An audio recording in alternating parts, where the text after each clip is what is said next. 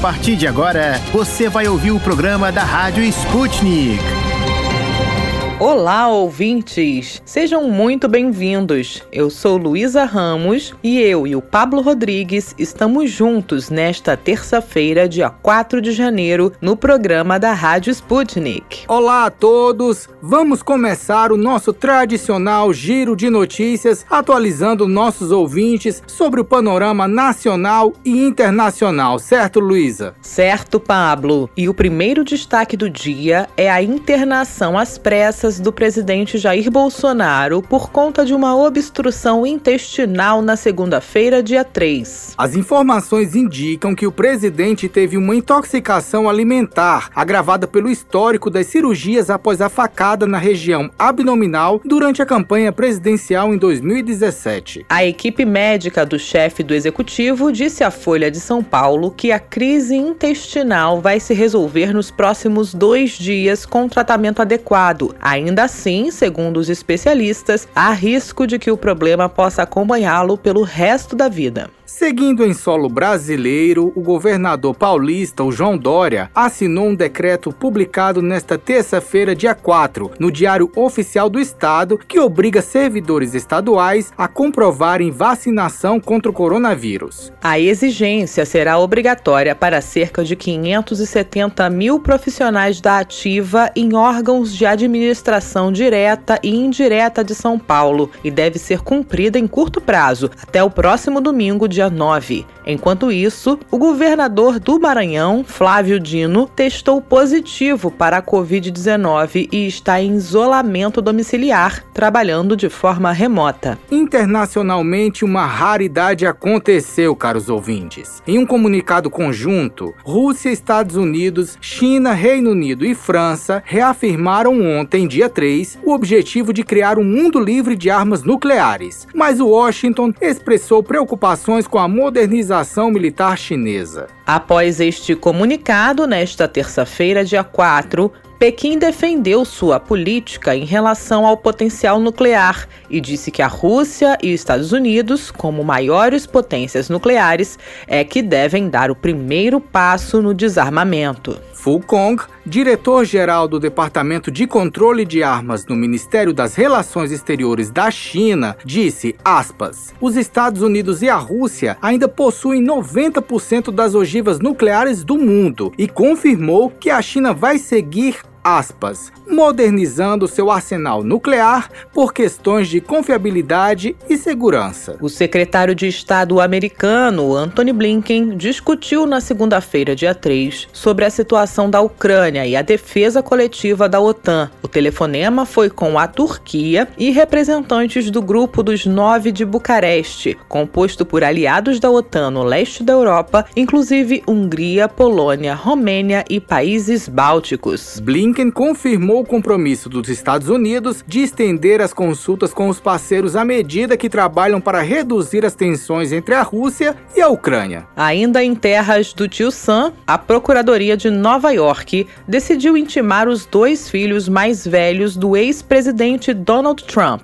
Trump Jr. e Ivanka a testemunharem em sua investigação sobre as práticas de negócio do pai e a empresa homônima. Segundo o The New York Times, a investigação, que começou em 2019, procura determinar se a Trump Organization aumentou os valores de seus ativos imobiliários de forma fraudulenta para obter empréstimos bancários e se reduziu seus valores para diminuir os impostos. Sobre a pandemia, especialistas do Instituto de Doenças Infecciosas de Marsella, no sul da França, detectaram uma nova variante do coronavírus, batizada com a sigla do hospital francês, IHU. De acordo com os cientistas, a cepa tem 46 mutações e já foi detectada em 12 pessoas. No Brasil, foram confirmadas mais 74 mortes e 12.292 casos de Covid-19 totalizando 619.245 óbitos desde o início da pandemia, segundo dados do consórcio entre secretarias estaduais de saúde e veículos de imprensa. E o que mais nós temos no programa desta terça-feira, 4 de janeiro, Pablo? E no programa de hoje.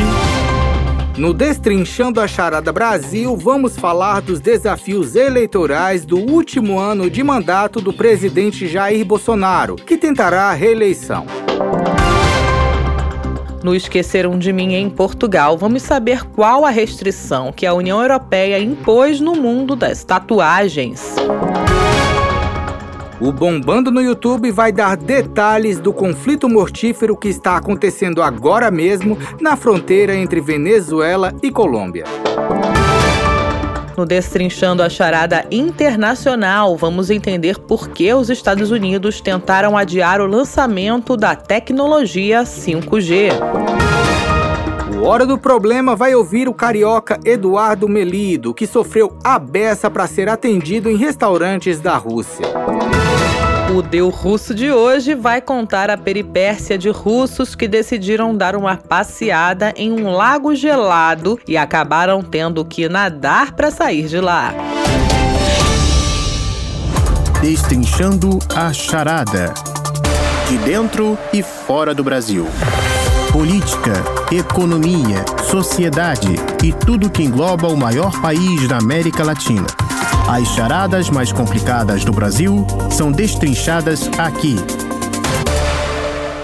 Estimados ouvintes, no Destrinchando a Charada Brasil de hoje, vamos falar sobre as perspectivas eleitorais do último ano de mandato do presidente Jair Bolsonaro. Com a pré-candidatura à reeleição colocada desde o primeiro ano de governo, Bolsonaro apostará todas as suas fichas para melhorar a sua avaliação diante da população. Em segundo lugar nas pesquisas de intenção de voto, atrás do ex-presidente Lula, Bolsonaro precisa melhorar o seu desempenho para se manter com competitivo na eleição deste ano. As últimas pesquisas de intenção de voto mostram o crescimento de um ex-aliado, o ex-ministro Sérgio Moro, que busca um público semelhante ao do presidente e tenta se viabilizar como uma terceira via, rompendo assim a polarização entre Bolsonaro e Lula. Isso sem falar nas pesquisas que indicam a possibilidade de vitória do petista ainda no primeiro turno. É nesse contexto que Bolsonaro inicia o último último ano de seu mandato, já com um pequeno atraso. O presidente voltaria das férias nesta terça-feira, dia 4, mas precisou ser internado na madrugada de ontem para tratar de uma obstrução intestinal. Falando em férias, o período de descanso do presidente foi cercado de polêmicas. Bolsonaro foi amplamente criticado por fazer passeios enquanto o estado da Bahia vivia uma das suas maiores tragédias dos últimos anos. Com as fortes chuvas, diversas cidades do sul do estado sofreram com alagamentos. 26 pessoas morreram. 153 cidades decretaram situação de emergência e mais de 661 mil pessoas estão afetadas no estado. Parlamentares da oposição e até o governador do estado, Rui Costa, do PT, criticaram o presidente. O petista chegou a dizer que Bolsonaro demonstra desprezo à vida humana. A Bahia é o maior estado do Nordeste Nordeste, região onde Bolsonaro teve o seu pior desempenho no último pleito. O presidente tenta reverter esse cenário para a eleição deste ano e aposta no Auxílio Brasil para melhorar a sua avaliação na região. E para analisar quais são os principais desafios do presidente Jair Bolsonaro para melhorar a sua avaliação em 2022, convidamos o professor de marketing político da Escola Superior de Propaganda e Marketing, o Marcelo Vitorino. Vitorino, muito obrigado pela sua participação aqui na Rádio Sputnik. Professor, com a avaliação em baixa baixa nas pesquisas de intenção de voto, quais são os principais desafios do presidente Bolsonaro no governo para melhorar a sua imagem junto ao eleitorado neste ano? O que ele deveria ter feito no primeiro ano de governo, que era se pautar pelas reformas, principalmente a administrativa e a tributária, meio que subiram no telhado. Num ano eleitoral, é praticamente impossível um governo conseguir fazer uma reforma administrativa que mexe com servidores. Então, o desafio dele vai ser dar um incremento à economia sem ter as ferramentas das reformas, que é o que poderiam incrementar a economia. Então, você tem uma nova cepa, uma nova onda de Covid, o que pode acabar, inclusive, prejudicando ainda mais a economia brasileira, que já não anda muito bem, e ele sem ferramentas para mexer nisso. Em contrapartida, ele tem o Auxílio Brasil, que foi aprovado a duras custas, eu acho que dos bolsos de todo brasileiro, custando aí mais de 600 bilhões de reais em 10 anos. Muito se fala sobre o peso da máquina pública nas eleições, sobretudo para cargos do executivo. É possível mensurar o peso da máquina federal na disputa pela presidência, Marcelo? Normalmente, a máquina pública tem muito peso eleitoral, porque os gestores se preparam para, nos seus últimos anos, fazerem as obras que todo mundo gosta de ver, então estrada, reforma e tudo mais. Ocorre que esse governo é um governo, no âmbito federal, é um governo muito despreparado administrativamente. Você tem poucas pastas, e eu falo de ministérios, que funcionam adequadamente. Então, você ter o dinheiro não quer dizer que você vai ter execução. Isso não é também um demérito apenas desse governo. Quando a gente olha para trás e vê, por exemplo, o PAC 1 e o PAC 2, que eram programas de obras e tudo mais, saiu 1, 2, 3% do papel. Então, você ter o dinheiro não é tanto assim. Se fosse um governo profissional, com gente competente, a máquina pública teria um peso enorme. Imagine que no momento em que falta dinheiro no mercado, o governo injete esse dinheiro para movimentar a economia, gerando emprego, construindo. Isso seria, obviamente, muito bem apreciado pela população. O problema está no tempo. Se você olhar o orçamento também de 2021, você vê que ele foi solto às vésperas do ano acabar. Então não dá tempo de realizar. E aí a população também não vê a coisa acontecendo. Além disso, Vitorino, a máquina pública é muito usada para barganhar apoio junto a outros atores políticos. Exatamente, Luísa. Lembrando que esse ano também teremos eleição para governador, deputados e uma vaga para o Senado. Nesse contexto, professor, qual que é o impacto da máquina pública nessas negociações? Geralmente é isso que acontece. As bases, os deputados federais usam as emendas parlamentares para fomentar os seus distritos eleitorais e os governadores também. Mas é como eu falei, assim, você não tem um potencial executório num último ano. Você tem a legislação eleitoral que proíbe, inclusive, que as figuras públicas participem de inaugurações a partir, se não me engano, do mês de maio. Então ele já tem que ficar ausente das inaugurações. A mídia, toda a mídia estatal, ela deve cessar durante o período eleitoral. Então você tem aí, propriamente dito, quatro meses do ano para mostrar que veio. O que não adianta você pensar muito no que você vai fazer, né? Esses quatro meses, do ponto de vista do marketing, da comunicação, eles deveriam servir para você mostrar o que você fez nos últimos três anos e não o que você realiza no primeiro semestre do último ano. Isso não faz sentido nenhum, porque não dá tempo da pessoa formar juízo de valor. Quando você fala com o eleitor, o eleitor brasileiro ele já está um pouquinho mais esperto, ele já entende a obra eleitoral, ele já vê que uma cesta básica dada às vésperas da eleição é uma compra de voto.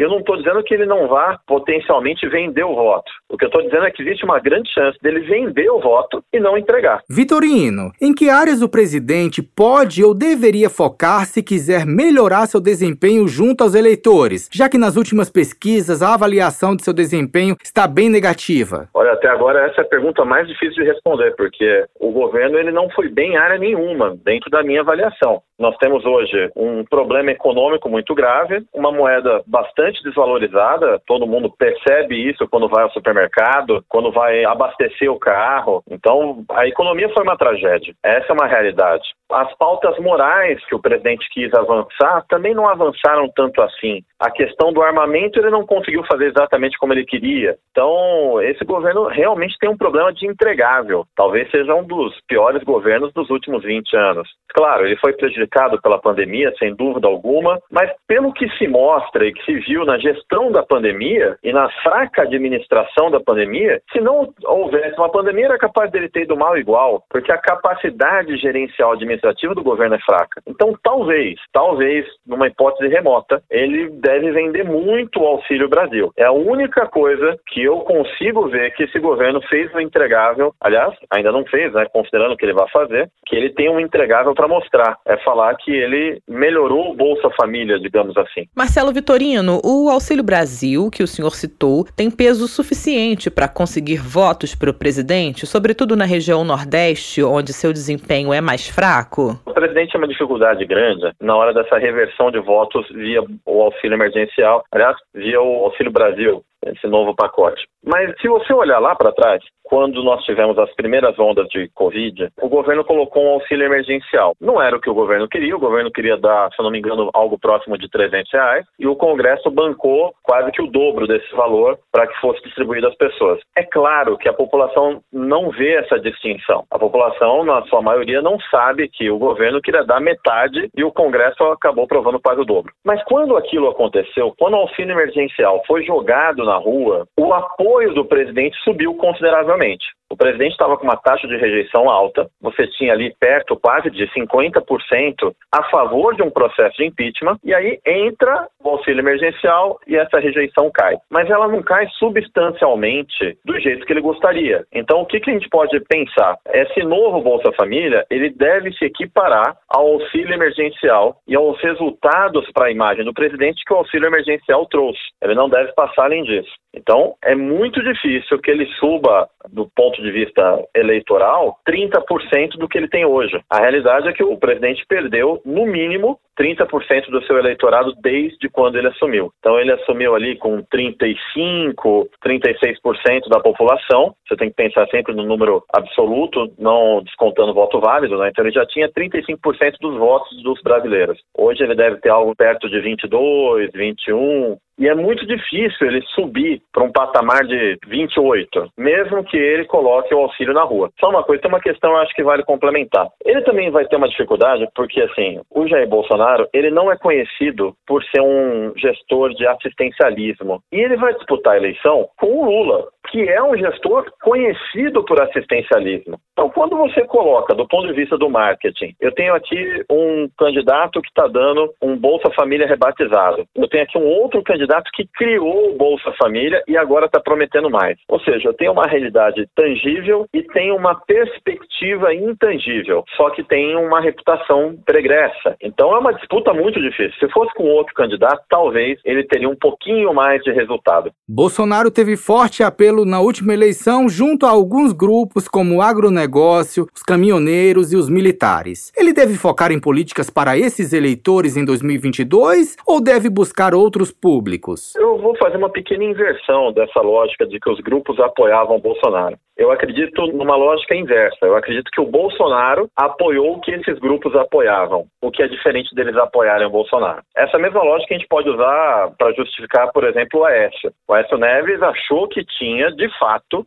um eleitorado muito maior do que o que ele realmente tinha. Você tinha um eleitorado que apoiou o Aécio, mas em detrimento ao PT. Da mesma forma que você tinha um eleitorado que apoiou o Bolsonaro, em detrimento ao PT, principalmente. Você tem ali uma composição, não vou nem te falar do agro só, né, porque cada um tem os seus interesses, a sociedade tem interesses. Os médicos, por exemplo, a classe médica apoiou o Bolsonaro em peso. Por quê? Porque o PT entrou com mais médicos. E aí tem uma reserva de mercado que os médicos não quiseram mudar. Então, quem era a voz que acabaria com o PT naquele momento de 2018? Era o Jair Bolsonaro. Aí você tem o grupo dos lavajatistas, que naquele momento entenderam que o Bolsonaro era quem representava o lavajatismo. Afinal, ele já tinha dado manifestações e isso tudo já se quebrou. E você tem a parte dos evangélicos também, barra conservadores, que queriam Bolsonaro para que ele fosse contra aquilo que foi chamado de ideologia de gênero, que é uma outra invenção maluca, mas que colou. Então, as pessoas de fato não apoiaram o Bolsonaro, as pessoas apoiaram uma ruptura do modelo político que estava acontecendo. E naquele momento, Bolsonaro representava aquela ruptura. Com o passar dos anos, muita gente que apoiou essa ruptura falou: Poxa,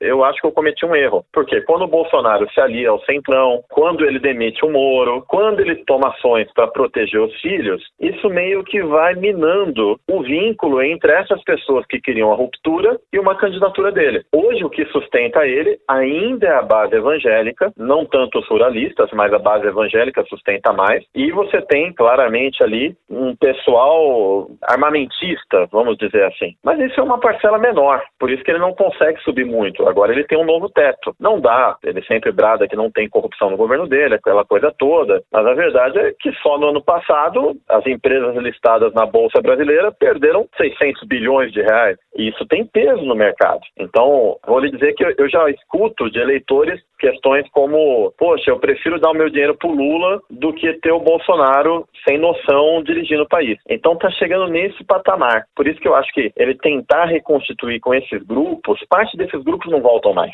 O lavajatista não volta mais. Esse já foi. O antipetista, ele está dividido hoje entre Moro e Bolsonaro. Tem uma parte do antipetismo que, de tanto ter um governo, vamos dizer assim, mal administrado, ele já está olhando para o petismo com bons olhos. Então, eu posso lhe dizer, pelas pesquisas que eu estou acompanhando, pelos grupos qualitativos, que o Bolsonaro recuperou o PT para boa parte da população. Marcelo, você falou sobre outro pré-candidato à presidência da República, o ex-juiz da Lava Jato, Sérgio Moro. O ex-ministro de Bolsonaro saiu brigado do governo, fazendo acusações públicas ao presidente de interferência política na Polícia Federal. O candidato do Podemos deve carregar na corrida eleitoral deste ano a bandeira lavajatista e da luta contra a corrupção, que foi também levantada por Bolsonaro no último pleito. Que bandeira que Bolsonaro deve carregar agora, nessas eleições? É, vai ser uma coisa bem difícil. Eu acredito que as poucas bandeiras que ele vai poder carregar ainda vai ser do conservadorismo, então ele ainda vai ter que se agarrar à questão da moral, da família, contra essas questões progressistas. Então,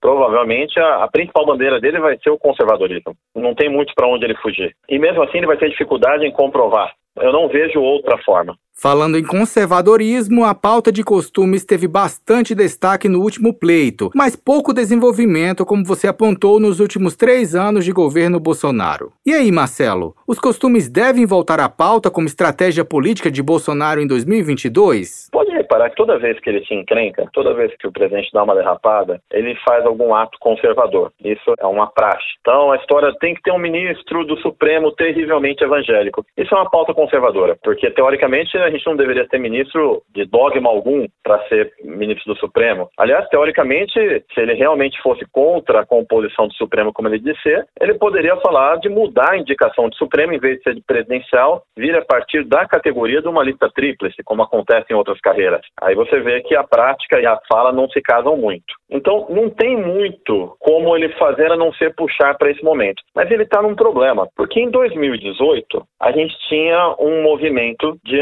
anticorrupção muito forte, era um sentimento forte. Você tinha o Lula preso, você tinha o escândalo da Lava Jato bombando, que era uma coisa diferente. Quando você caminha para 2020, que já é um país com uma pandemia, a pauta, tanto a conservadora quanto a pauta da corrupção caem, porque você passa a ter um problema econômico e de saúde. Saúde é essa que foi mal gerenciada, e o econômico nem se fala. Então, quando você vai para 2022, o brasileiro ainda tem um problema econômico e um problema de saúde, que não casa com a pauta que o presidente quer impor. Então, eu não vejo como, a não ser por um, alguma coisa drástica, como já aconteceu em 2018, ele sofreu um, um, atentado. Eu não vejo como ele tem êxito na próxima eleição quando o brasileiro está precisando olhar para a comida na mesa e para as pessoas com saúde, enquanto ele tem que falar de conservador e combate à corrupção. Você percebe que há uma distância enorme entre o que as pessoas querem e o que ele oferece. E essa distância não havia em 2018. As pessoas realmente queriam o que ele estava oferecendo. A estratégia de Bolsonaro vai ser complexa para tentar reverter o atual cenário da corrida eleitoral e conseguir mais um mandato na presidência da República. Vamos aguardar os próximos capítulos dessa disputa, queridos ouvintes. Vitorino, muito obrigado pela sua participação aqui na Rádio Sputnik. Este foi Marcelo Vitorino, professor de marketing político da ESPM. O nosso Destrinchando a Charada Brasil de hoje fica por aqui. Até a próxima.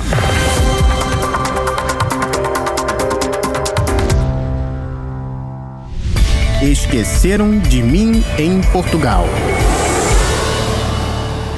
Senhoras e senhores passageiros, apertem os cintos de segurança porque estamos prestes a decolar rumo a Portugal. A tripulação Sputnik Brasil deseja a todos uma ótima viagem.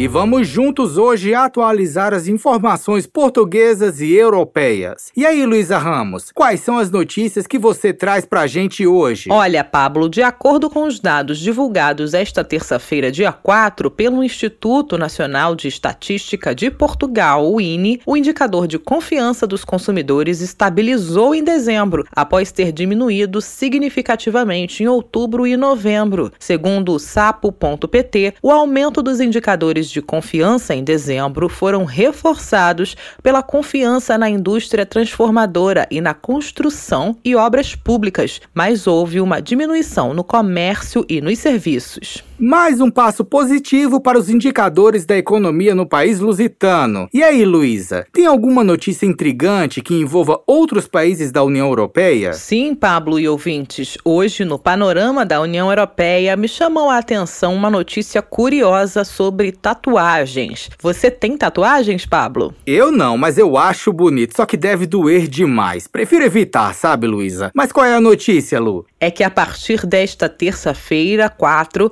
entra em vigor na União Europeia uma determinação que proíbe tatuadores de usarem tinta colorida, bem como especialistas em técnicas de maquiagens definitivas. Mas calma, não é exatamente uma proibição. Vou explicar. Trata-se de uma restrição da Agência Europeia dos Produtos Químicos que proíbe 4 mil itens normalmente usados em tintas de tatuagens coloridas. A alegação é que certos produtos químicos perigosos contidos nessas misturas para tinta tintas de tatuagem e maquiagem permanente podem causar câncer ou mutações genéticas. As novas determinações visam então uniformizar as regras no espaço comunitário europeu e garantir a proteção dos utilizadores, segundo informações da agência Lusa. Mas peraí, então as tatuagens que não tiverem esses produtos associados ainda podem ser feitas? Isso mesmo, Pablo. O órgão defende que, aspas, o objetivo não é proibir a tatuagem, mas tornar mais seguras as cores usadas nas tatuagens e na maquiagem definitiva. Segundo a reportagem, embora as restrições se tornem desde já efetivas, uma das proibições relacionada com o pigmento azul 15 e o pigmento verde 7 só vão valer a partir de 4 de janeiro do ano que vem, já que Bruxelas concedeu o tempo de um ano para que as empresas encontrem alternativas seguras para esses dois pigmentos. Ah, bem, assim faz mais sentido. Me parece que muita gente vai ser beneficiada por essas regras. Já existem restrições como estas para substâncias tóxicas em cosméticos, materiais que podem causar sensibilidade da pele, irritar os olhos, como impurezas metálicas e alguns pigmentos já não podem. É verdade, Pablo, mas vai dar é mais complicações para a vida e trabalho dos tatuadores, que já andam negando serviços de tatuagens grandes que podem levar meses para serem concluídas, com medo de até o ano que vem não terem reposições adequadas para as cores das tatuagens escolhidas pelos clientes. Você sabia, Pablo, que dados da Comissão Europeia revelam que 12% dos europeus têm tatuagens, incluindo adolescentes? Só 12%? Nossa, eu poderia jurar que muito mais pessoas têm tatuagens. Acredita, Luísa? Mas não se engane, isso equivale a pelo menos 50 milhões de pessoas que gostam de ter desenhos ou frases pelo corpo. Bruxelas assinala que, aspas, embora alguns Estados-membros já dispusessem de legislação nacional para restringir as substâncias químicas perigosas nas tintas de tatuagem, as novas regras ao nível da União Europeia foram adotadas para proteger de forma igual as pessoas em todo o bloco. Isso vai além, pois a ideia é proteger as pessoas que querem fazer tatuagens independentemente do país onde optam por realizar o serviço. E também vai valer para tintas fabricadas na União ou não. Interessante, Luiz. Eu gostei tanto da notícia que vou até procurar mais informações e, de repente, quem sabe, fazer uma tatuagem no ano que vem. Ou não, não sei. Mesmo assim, obrigado pelo boletim.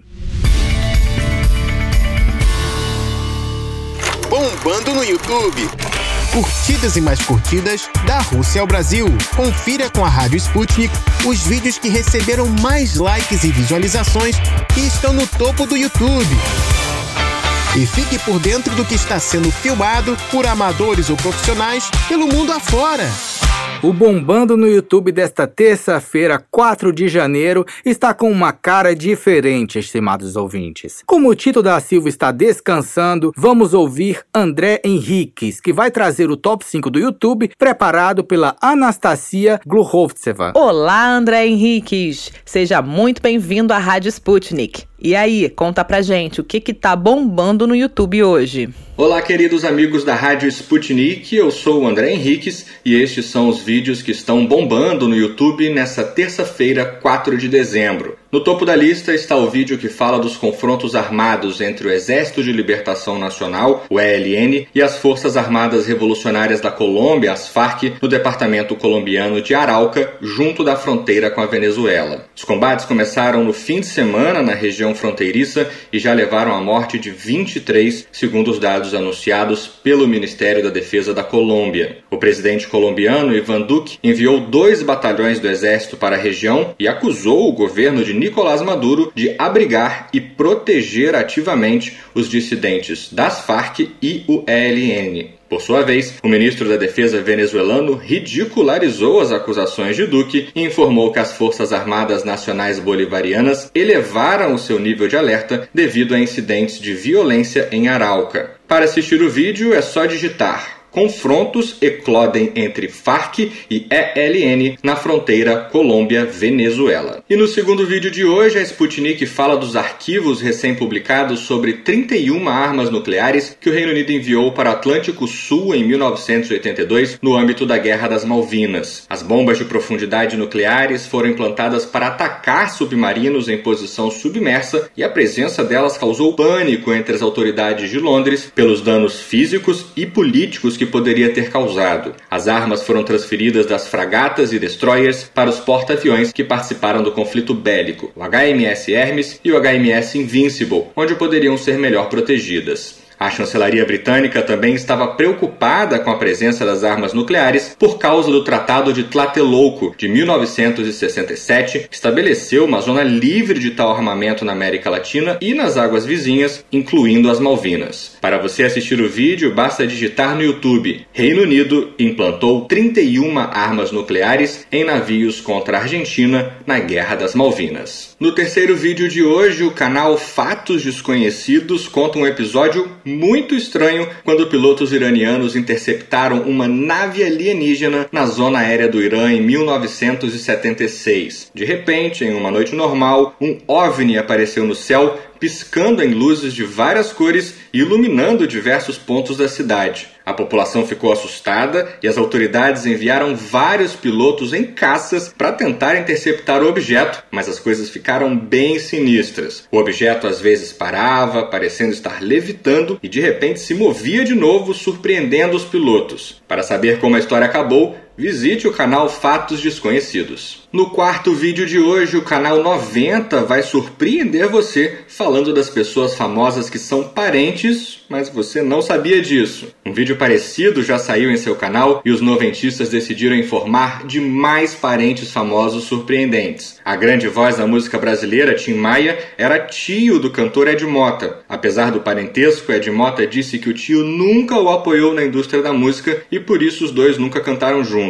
Além disso, a cantora e atriz Preta Gil é prima da atriz Patrícia Pilar e também da cantora Luísa Posse. Você sabia que a atriz de grande fama popular na televisão Lúcia Alves é irmã do cantor Sidney Magal? Saiba de mais parentes famosos surpreendentes no canal 90. E no quinto vídeo de hoje você pode não ter percebido, mas alguns atores de filmes que você sempre assistiu foram trocados. O novo vídeo do canal Nerd Show revela que o personagem do Albus Dumbledore em Harry Potter foi interpretado por dois atores. Richard Harris, que contracenou Dumbledore nos primeiros dois filmes da saga, infelizmente faleceu e por isso foi substituído pelo ator Michael Gambon. Nos filmes sobre Batman, no primeiro, a amiga do super-herói é interpretada pela atriz Katie Holmes mas no segundo foi substituída por Maggie Gyllenhaal porque a própria atriz não quis voltar mais para a personagem e estava muito ocupada fazendo outro filme. Bem, queridos ouvintes, por hoje é só. Até amanhã. É, a situação tá tensa na fronteira entre Colômbia e Venezuela, caros ouvintes. Segundo o ministro da Defesa colombiano, Diego Molano, 23 pessoas foram mortas devido aos confrontos entre grupos armados no departamento de Arauca, que fica na fronteira com a Venezuela. Os confrontos estão sendo perpetrados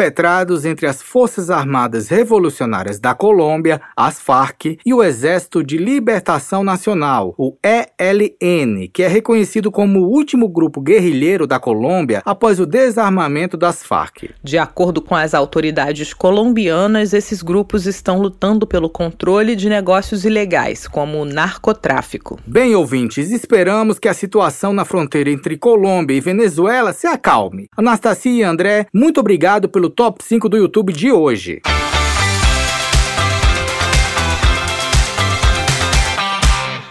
Destrinchando a charada. Encruzilhada Internacional. Relações políticas, socioeconômicas e muito mais entre as nações deste mundão. Da Rússia aos Estados Unidos. Encontre com a gente as respostas às perguntas do momento.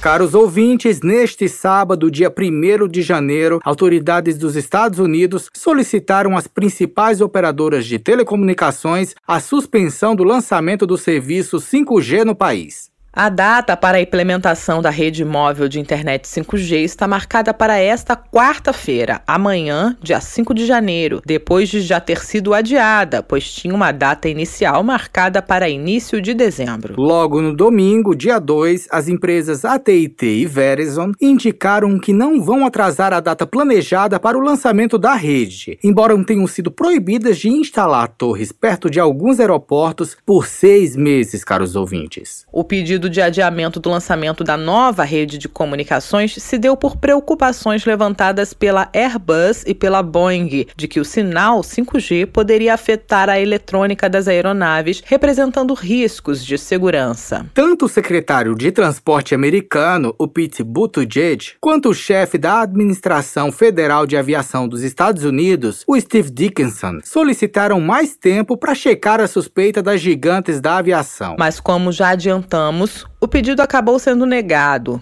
pois o atraso geraria problemas financeiros para as operadoras, que pagaram bilhões por licenças de frequência e estão ansiosas para lançar o uso comercial do 5G. Com isso, emergem as polêmicas, como, por exemplo, os custos extras de atualização das instalações do setor aéreo para trabalhar em compatibilidade com 5G. Pois é, Pablo, só o grupo comercial Airlines for America afirmou neste domingo, dia 2, que devido ao lançamento da tecnologia, poderá haver até 350 mil voos comerciais afetados por ano, a um custo de 2,1 bilhões de dólares, cerca de 12 bilhões de reais. E é neste ponto da discussão que pedimos ajuda mais uma vez ao Christian Perrone, Head de Direito e GovTech do Instituto de Tecnologia e Sociedade do Rio de Janeiro, o ITS. Seja bem-vindo, Christian Perrone, ao Destrinchando a Charada Internacional do programa da Sputnik. Bom, por que a tecnologia mais desejada dos últimos tempos teve sua data de lançamento adiada nos Estados Unidos, Perrone. Melhor não seja por quê, mas assim, o que envolveu esse adiamento, né? Porque efetivamente esse não seria o primeiro, seria o segundo adiamento. Começou sendo adiado de 5 de dezembro para 5 de janeiro e agora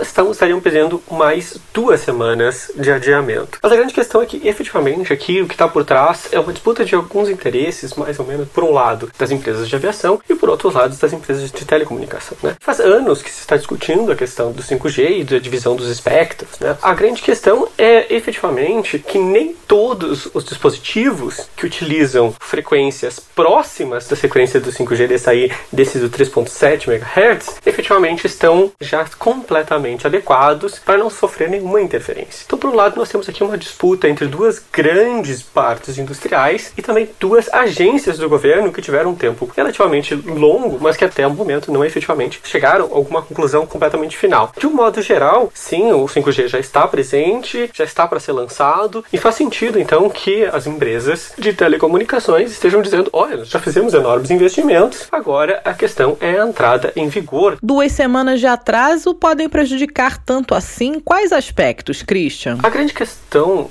com relação a duas semanas de atraso que não é exatamente só as duas semanas de atraso que efetivamente está discutindo. Pode parecer muito pouco, mas efetivamente duas semanas de atraso influenciam todo o lançamento nacional do tamanho dos Estados Unidos, levando em consideração quanto já foi investido para chegar, há um impacto muito grande na capacidade de desenvolvimento, a capacidade de investimentos. E a grande questão principal aqui não é duas semanas, mas sim a insegurança, não necessariamente jurídica, mas a insegurança geral que isso acaba acontecendo. Nós já tivemos um atraso de um mês, né, de 5 de dezembro para 5 de janeiro, e agora se quer mais duas semanas, sendo que em conjunto com essas duas semanas, né, nós temos também uma discussão com relação a todo o desenvolvimento do 5G perto de aeroportos, né, e quais aeroportos, e todos os aeroportos, etc, né. Então tem toda essa questão por detrás. A polêmica da interferência do sinal 5G em aeronaves chegou até mesmo na França, ao ponto de autoridades francesas recomendarem o desligamento completo dos telefones celulares com a tecnologia 5G nos aviões em fevereiro do ano passado, para evitar interferências em uma frequência próxima ao rádio altímetro e assim evitar erros durante pouso. Perrone, para o usuário comum, a situação soa simples. Se já desligamos os celulares ou colocamos em modo avião durante o voo, o que pode acontecer se ficar comprovado que a tecnologia pode realmente prejudicar o tráfego aéreo? Ainda que a gente leve em consideração que parece simples, né? A ideia de, ah, já, nós já desligamos os nossos celulares na decolada e pouso dos aviões, não é somente isso, né? Hoje a gente está usando tantos dispositivos conectados, tantas questões que estão conectadas, que a verdade é que não é só desligar o celular, não é só desligar o computador, né? Existe um, um, risco bastante grande de você ter uma série de dispositivos e nem perceber que eles estão efetivamente ligados, que eles efetivamente estão utilizando isso. Isso é uma parte da resposta, né? A verdade é que também temos também todo o uso próximo de aeroportos, não necessariamente só dentro dos aviões, né? E nós temos até o próprio fato de você ter as antenas, né? Mas é claro, aqui também entra uma discussão sobre probabilidade e possibilidade de acontecer alguma interferência. A verdade é que, em muitos casos, essa essa interferência não vai acontecer. Por quê? Porque os aparelhos, esses altímetros, né, que são os tais aparelhos que poderiam sofrer interferências, os altímetros dos rádios de comunicação dos aviões poderiam receber interferências. Muitos deles já estão preparados para isso, né, já estão preparados para essa questão. Então, na maioria dos casos, provavelmente não a deve haver. Existe uma possibilidade de que, em alguns casos, em algumas circunstâncias, em alguns altímetros, como antes efetivamente não tinha uma regulação tão clara com relação ao uso disso e a não a interferências em si relacionadas a isso, então efetivamente efetivamente podem existir aviões que ainda têm altímetros e rádios que não estão completamente adaptados a esse novo cenário. O pedido de adiamento do 5G nos Estados Unidos pode afetar quais outros setores além das empresas de telefonia e do setor aéreo, Christian? E a verdade é que, de um ponto de vista dos altímetros, o único setor que efetivamente vai ser afetado vai ser o setor da aviação, né?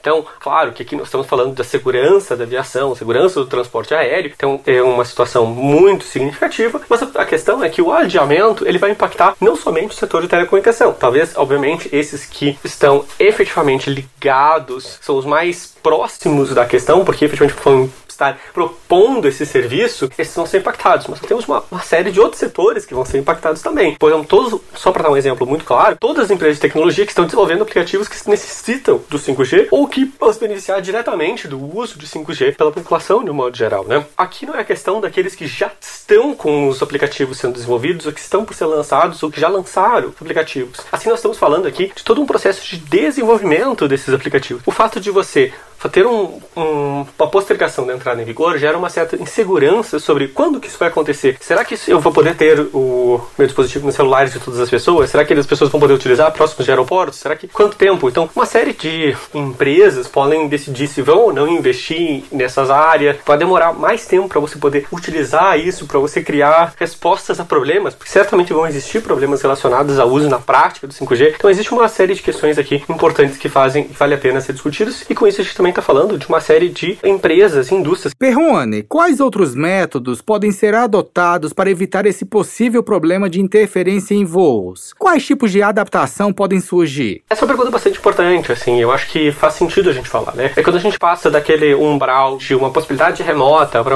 algo que é provável, né? O que, que acontece aqui é que a indústria da aviação provavelmente vai ter que se adaptar com relação a isso, né? Quem vai pagar essa conta é uma outra história, mas provavelmente vai ter que se adaptar. Assim como, por exemplo, indústrias médicas, né, que fazia marca-passo, ou indústria de cadeiras de rodas, tiveram que se adaptar quando a gente passou a usar a banda que hoje a gente usa para celulares, né? Então, que tiveram que criar mecanismos tecnológicos que impediam a interferência nos sinais que estavam sendo utilizados. Imagina, né? Toda essa indústria teve que ser modificada, você teve que trocar todos os marca-passos das pessoas, você teve que trocar todos os sistemas das cadeiras de rodas. Isso tem um custo. Quando você tiver que trocar uma série de sistemas, né, de altímetros, entre aspas, de uma frota enorme de aviões, isso também provavelmente pode pode vir a ter um, um custo significativo. É mais nesse sentido que a gente está tendo que discutir nesse momento. Indiretamente, a gente está discutindo a entrada em vigor do 5G, mas indiretamente nós estamos discutindo qual é o custo e quem vai pagar essa conta, essa modificação de potenciais dispositivos que não necessariamente estariam adaptados. Sabendo que poderia causar prejuízos em vários setores, por que o assunto não foi tratado antes de ter uma data para lançamento?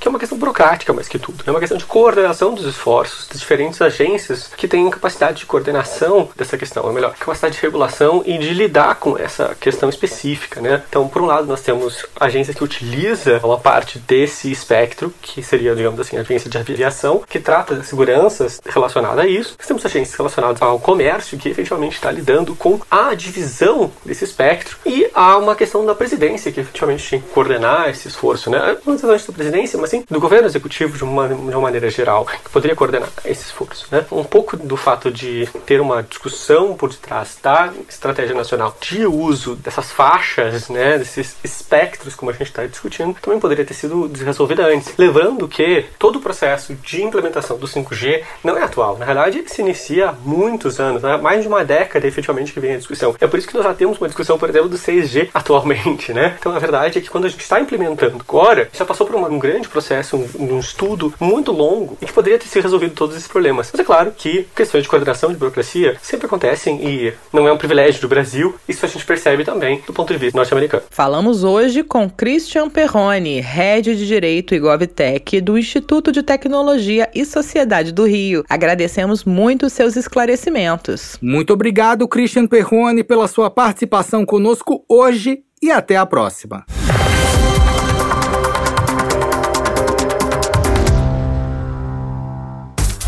Hora do Problema. Sabe aquela história que é melhor nem contar de tão complicada que é? Perrengue na Rússia, sufoco no Brasil e muito mais. Sente aí que lá vem história. Queridos ouvintes, vamos ouvir o jornalista carioca Eduardo Melido, que em 2013 veio a trabalho à Rússia e se deparou com um atendimento, como dizer, a russa. Ai, Pablo, não é a primeira vez que eu escuto que o atendimento deixa a desejar aí na Rússia. Melido vai contar casos que aconteceram com ele em duas grandes cidades russas, Luísa. Então eu espero que você, Lu, e os nossos ouvintes já se preparem para esperar, pois o atendimento russo pode demorar um tempão para acontecer. Olá, Melido. Oi, pessoal da Rádio Sputnik. Sou Eduardo Melido, jornalista, carioca, morando no Rio de Janeiro, mas por conta da profissão já passei em vários lugares do mundo. E em 2013 eu estive na Rússia e trouxe algumas boas histórias desse lugar que foi muito legal de conhecer. Melido, que eventos você veio cobrir com a Globo? E em que cidades você esteve na Rússia, além de Moscou? Eu trabalho no esporte da Globo e em 2013 eu fui como produtor do Sport TV para duas coberturas importantes. Eu fiquei quase um mês no total na Rússia. Foram 20 dias em Moscou acompanhando o Campeonato Mundial de Atletismo e depois uma semana em Sochi, que viria a ser a sede dos Jogos Olímpicos de Inverno em fevereiro, mas a nossa viagem foi em agosto e a gente foi produzir os primeiros programas em Sochi. A gente foi conhecer como um balneário de verão viraria a capital mundial de inverno, ou pelo menos dos esportes de inverno. E eu trouxe algumas dessas histórias na bagagem. Você passou quanto tempo, mais ou menos, na Rússia? E o que mais marcou a sua vinda para cá, Melido? Bom, foi um mês quase na Rússia, e eu posso dizer que eu voltei com quase nenhum russo na ponta da língua, o alfabeto cirílico muito menos, mas voltei com boas histórias e um legado, uma coisa que eu emoldurei e coloquei na cabeça das pessoas que foram fazer as coberturas seguintes na Rússia. O atendimento não é o nosso forte. Guarde essa frase. E eu repeti essa frase sempre que alguém me perguntava: "Poxa, como foi a experiência na Rússia? Caramba, tô indo para lá para fazer os jogos de inverno, tô indo para lá para fazer a Fórmula 1". E até recentemente, quando o pessoal foi cobrir a Copa do Mundo e a Copa das Confederações, eu sempre dizia: "O atendimento não é o nosso forte". E eu vou explicar para vocês. Explica melhor. Como assim o atendimento não é o nosso forte? Bom, isso porque em 2013 era muito difícil ser bem atendido num restaurante na Rússia. Espero sinceramente que tenha mudado, ainda não pude voltar para ver a evolução, mas em 2013 era muito complicado. Primeiro que as pessoas quase não falavam inglês. Então qualquer comunicação era difícil. E ainda assim, quando a gente estava com o nosso tradutor junto, ou pelo menos a gente conseguiu entender ali o borscht, né, que era aquela sopa de beterraba, ou pizza, que é pizza em qualquer lugar do mundo, a gente demorava muito para ser atendido. Melido enchia a barriga tomando borscht, caros ouvintes, que é uma sopa muito popular na Rússia que leva beterraba, repolho, carne e outros ingredientes. Ou então comendo pizza, até porque, por via das dúvidas, se não dá para entender quase nada do cardápio, é melhor pedir algum prato que você tem certeza que você sabe o gosto. E em 2013 não era comum encontrar cardápios em inglês na Rússia, caros ouvintes. Mas Melido, depois da sua vinda para cá, a situação só vem melhorando, eu pode ter certeza disso. Me diz uma coisa, você citou a demora para ser atendido. Poderia ser mais específico? Teve restaurante que a gente ficou mais de meia hora com os garçons ignorando a nossa mesa. Até a gente entender que aquilo ali era uma coisa usual, demorou muito. Então a gente sabia que para comer num restaurante, a gente levaria um bom tempo. Mesmo no hotel, a gente estava num hotel internacional, o atendimento não era o nosso forte. Então a gente brincou que quando a gente precisava ir a um restaurante comer e não fosse no hotel, a gente tinha que entrar no restaurante com esse lema. Todo restaurante, na verdade, na Rússia, eu sou favorável a isso. Um restaurante na Rússia tem que ter uma plaquinha pendurada. O atendimento não é o nosso forte. Ô Melido, a sua ideia de pendurar placas nos restaurantes russos ainda não foi atendida, infelizmente. Você conseguiu comparar o atendimento em Moscou e em Sochi? Bom, e como não tem a plaquinha, a gente fez esse alerta para basicamente todo mundo que foi para a Rússia. Isso eu estou falando de Moscou. A gente foi para Sochi ainda em agosto de 2013, seis meses antes dos Jogos. O Parque Olímpico ainda estava sendo construído e era muito complicado ser atendido. Eu lembro que em Sochi tinha uma única pizzaria, que na verdade ficava entre Adler, onde é o Parque Olímpico, e o centro da cidade de Sochi, chamada Adriano. Enfim, a gente foi para Sochi, já foi muito complicado complicado. Chegamos lá, a gente já não tinha tradutor, era uma tradutora que falava um inglês macarrônico. E aí, vamos comer. E a gente achou o Adriano. Caramba, Adriano pasta, pô, perfeito, a gente vai conseguir se comunicar. Mentira, a gente não conseguiu se comunicar, a gente demorou uma hora para ser atendido, a massa veio fria, veio muito ruim, e aí a gente falou, é, realmente não é só em Moscou, também em Sochi o atendimento não é o nosso forte. Eu já vi de longe, hein, esse restaurante aí, Adriano. No verão russo deste ano, eu passei uns dias em Adler, que é um bairro de Sochi mais perto das praias, e até pensei em almoçar no Adriano, mas acabei desistindo. Sorte a minha, hein? Melido, o atendimento era ruim só nos restaurantes? E isso vale para mercado, mercearia, restaurante. Enfim, a gente sofreu muito em 2013 com isso. Sofremos no aeroporto de Sochi. E aí voltamos para o Brasil e as pessoas muito empolgadas, eu lembro ali na véspera do embarque para os Jogos de Inverno, falando, cara, e aí, como é que vai ser? Eu falei, gente, ó, vai ser muito legal. Vocês vão curtir, é uma cultura muito diferente, a língua é uma barreira. Agora, preparem-se no restaurante. Na época, Globo e Sport TV mandaram uma equipe relativamente grande e eu lembro que as pessoas me mandavam e-mails que chegavam aleatoriamente falando: Caraca, Eduardo, lembrei de você. Fiquei uma hora e meia para ser atendido no restaurante e o atendimento não é o nosso forte. Nossa, Eduardo, uma hora e meia para ser atendido e põe paciência nisso, viu? O que, que você acha?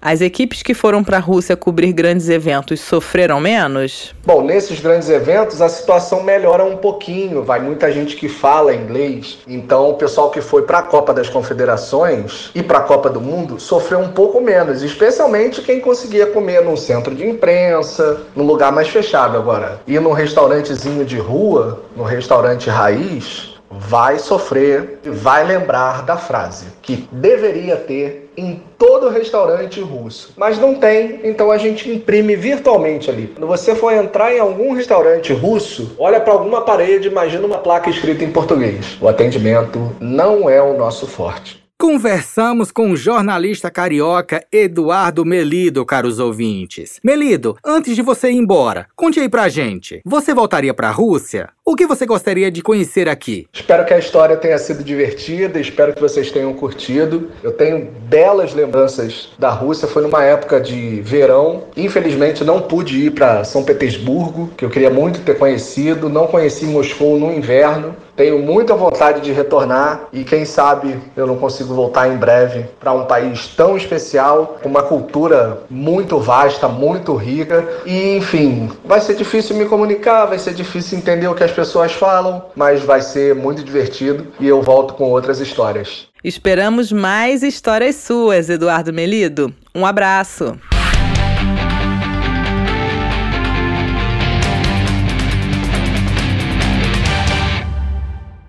Os vídeos mais esperados estão disponíveis no nosso canal no YouTube. Para encontrá-lo é fácil. É só buscar Sputnik Brasil no YouTube, aproveitar as imagens e ainda se informar.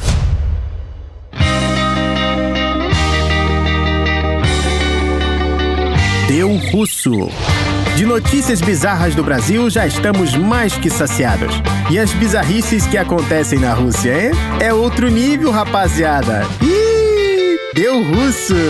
Olha, Pablo, eu estava dando uma olhada nas suas fotos em Moscou e o inverno aí está tão bonito pistas de patinação, ruas cobertas de neve, lagos congelados. O inverno deste ano está muito bonito mesmo, Luiz. Ainda mais porque já começou com temperaturas negativas. Então a linha entre frio e muito frio foi muito pequena. Uma coisa que eu queria perguntar para você, Pablo: no inverno aí na Rússia, quando os lagos congelam, dá para patinar neles? De dá, Luísa, mas como cai muita neve, então fica difícil, porque tem que limpar, tirar a neve e se certificar que não tem gravetos no gelo, sabe? E quem não quer patinar, mas só andar pelos lagos congelados, é possível? Eu não recomendo, Luiz, até porque nunca há uma garantia de que a camada de gelo está reforçada e pode suportar muita gente. Foi até bom você perguntar, porque eu vou contar um caso que aconteceu recentemente na região russa de Altai, que faz fronteira com o Cazaquistão. Tem a ver com russos andando em camadas de gelo? Morro de medo, Pablo.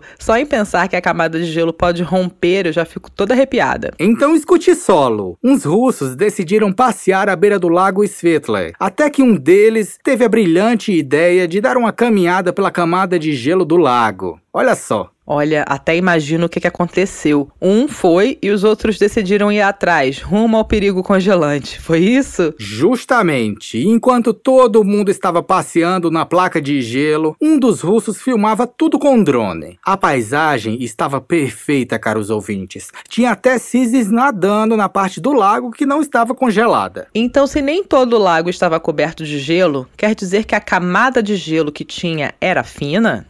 Fininha, Luísa. Bem, fina ao ponto de não conseguir suportar 20 russos ao mesmo tempo.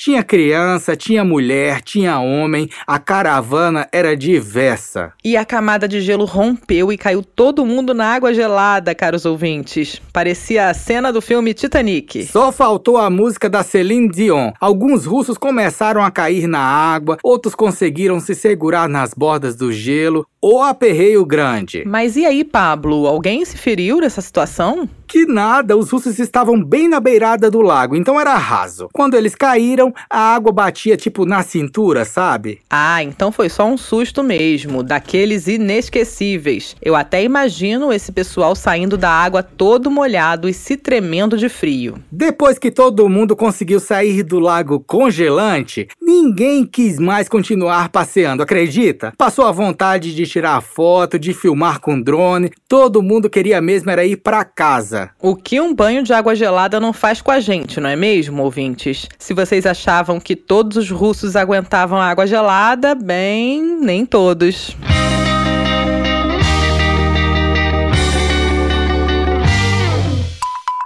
Para ficar por dentro de todas as novidades, tanto mundiais como brasileiras, se inscreva no nosso canal do Telegram.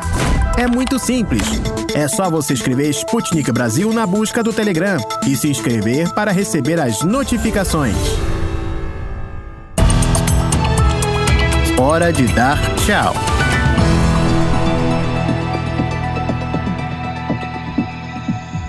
O programa desta terça-feira, 4 de janeiro, está chegando ao fim, estimados ouvintes. Amanhã estaremos de volta, mas se bater aquela saudade até lá, é só dar uma passada no nosso site br.sputniknews.com, onde vocês, estimados ouvintes, podem conferir as notícias mais importantes do Brasil e do mundo e interagir com elas. Sem contar no canal da Sputnik Brasil no Telegram, que traz as notícias rapidinho daquela forma que todos vocês gostam, juntando o Brasil à Rússia e ao resto do planeta Terra. Desejamos uma ótima terça-feira para todos vocês, estimados ouvintes. Até amanhã! O programa da Rádio Sputnik teve a apresentação, produção e edição de texto de Luísa Ramos e de mim, Pablo Rodrigues, e produção de conteúdos e edição de texto de Everton Maia e Anastasia Gluhovtseva. A edição e a montagem do programa são do Wellington Vieira e do David Costa. O editor-chefe da redação da Sputnik Brasil no Rio de Janeiro é o Renan Lúcio, e em Moscou, Konstantin Kuznetsov. Você acabou de ouvir mais um programa da Rádio Sputnik.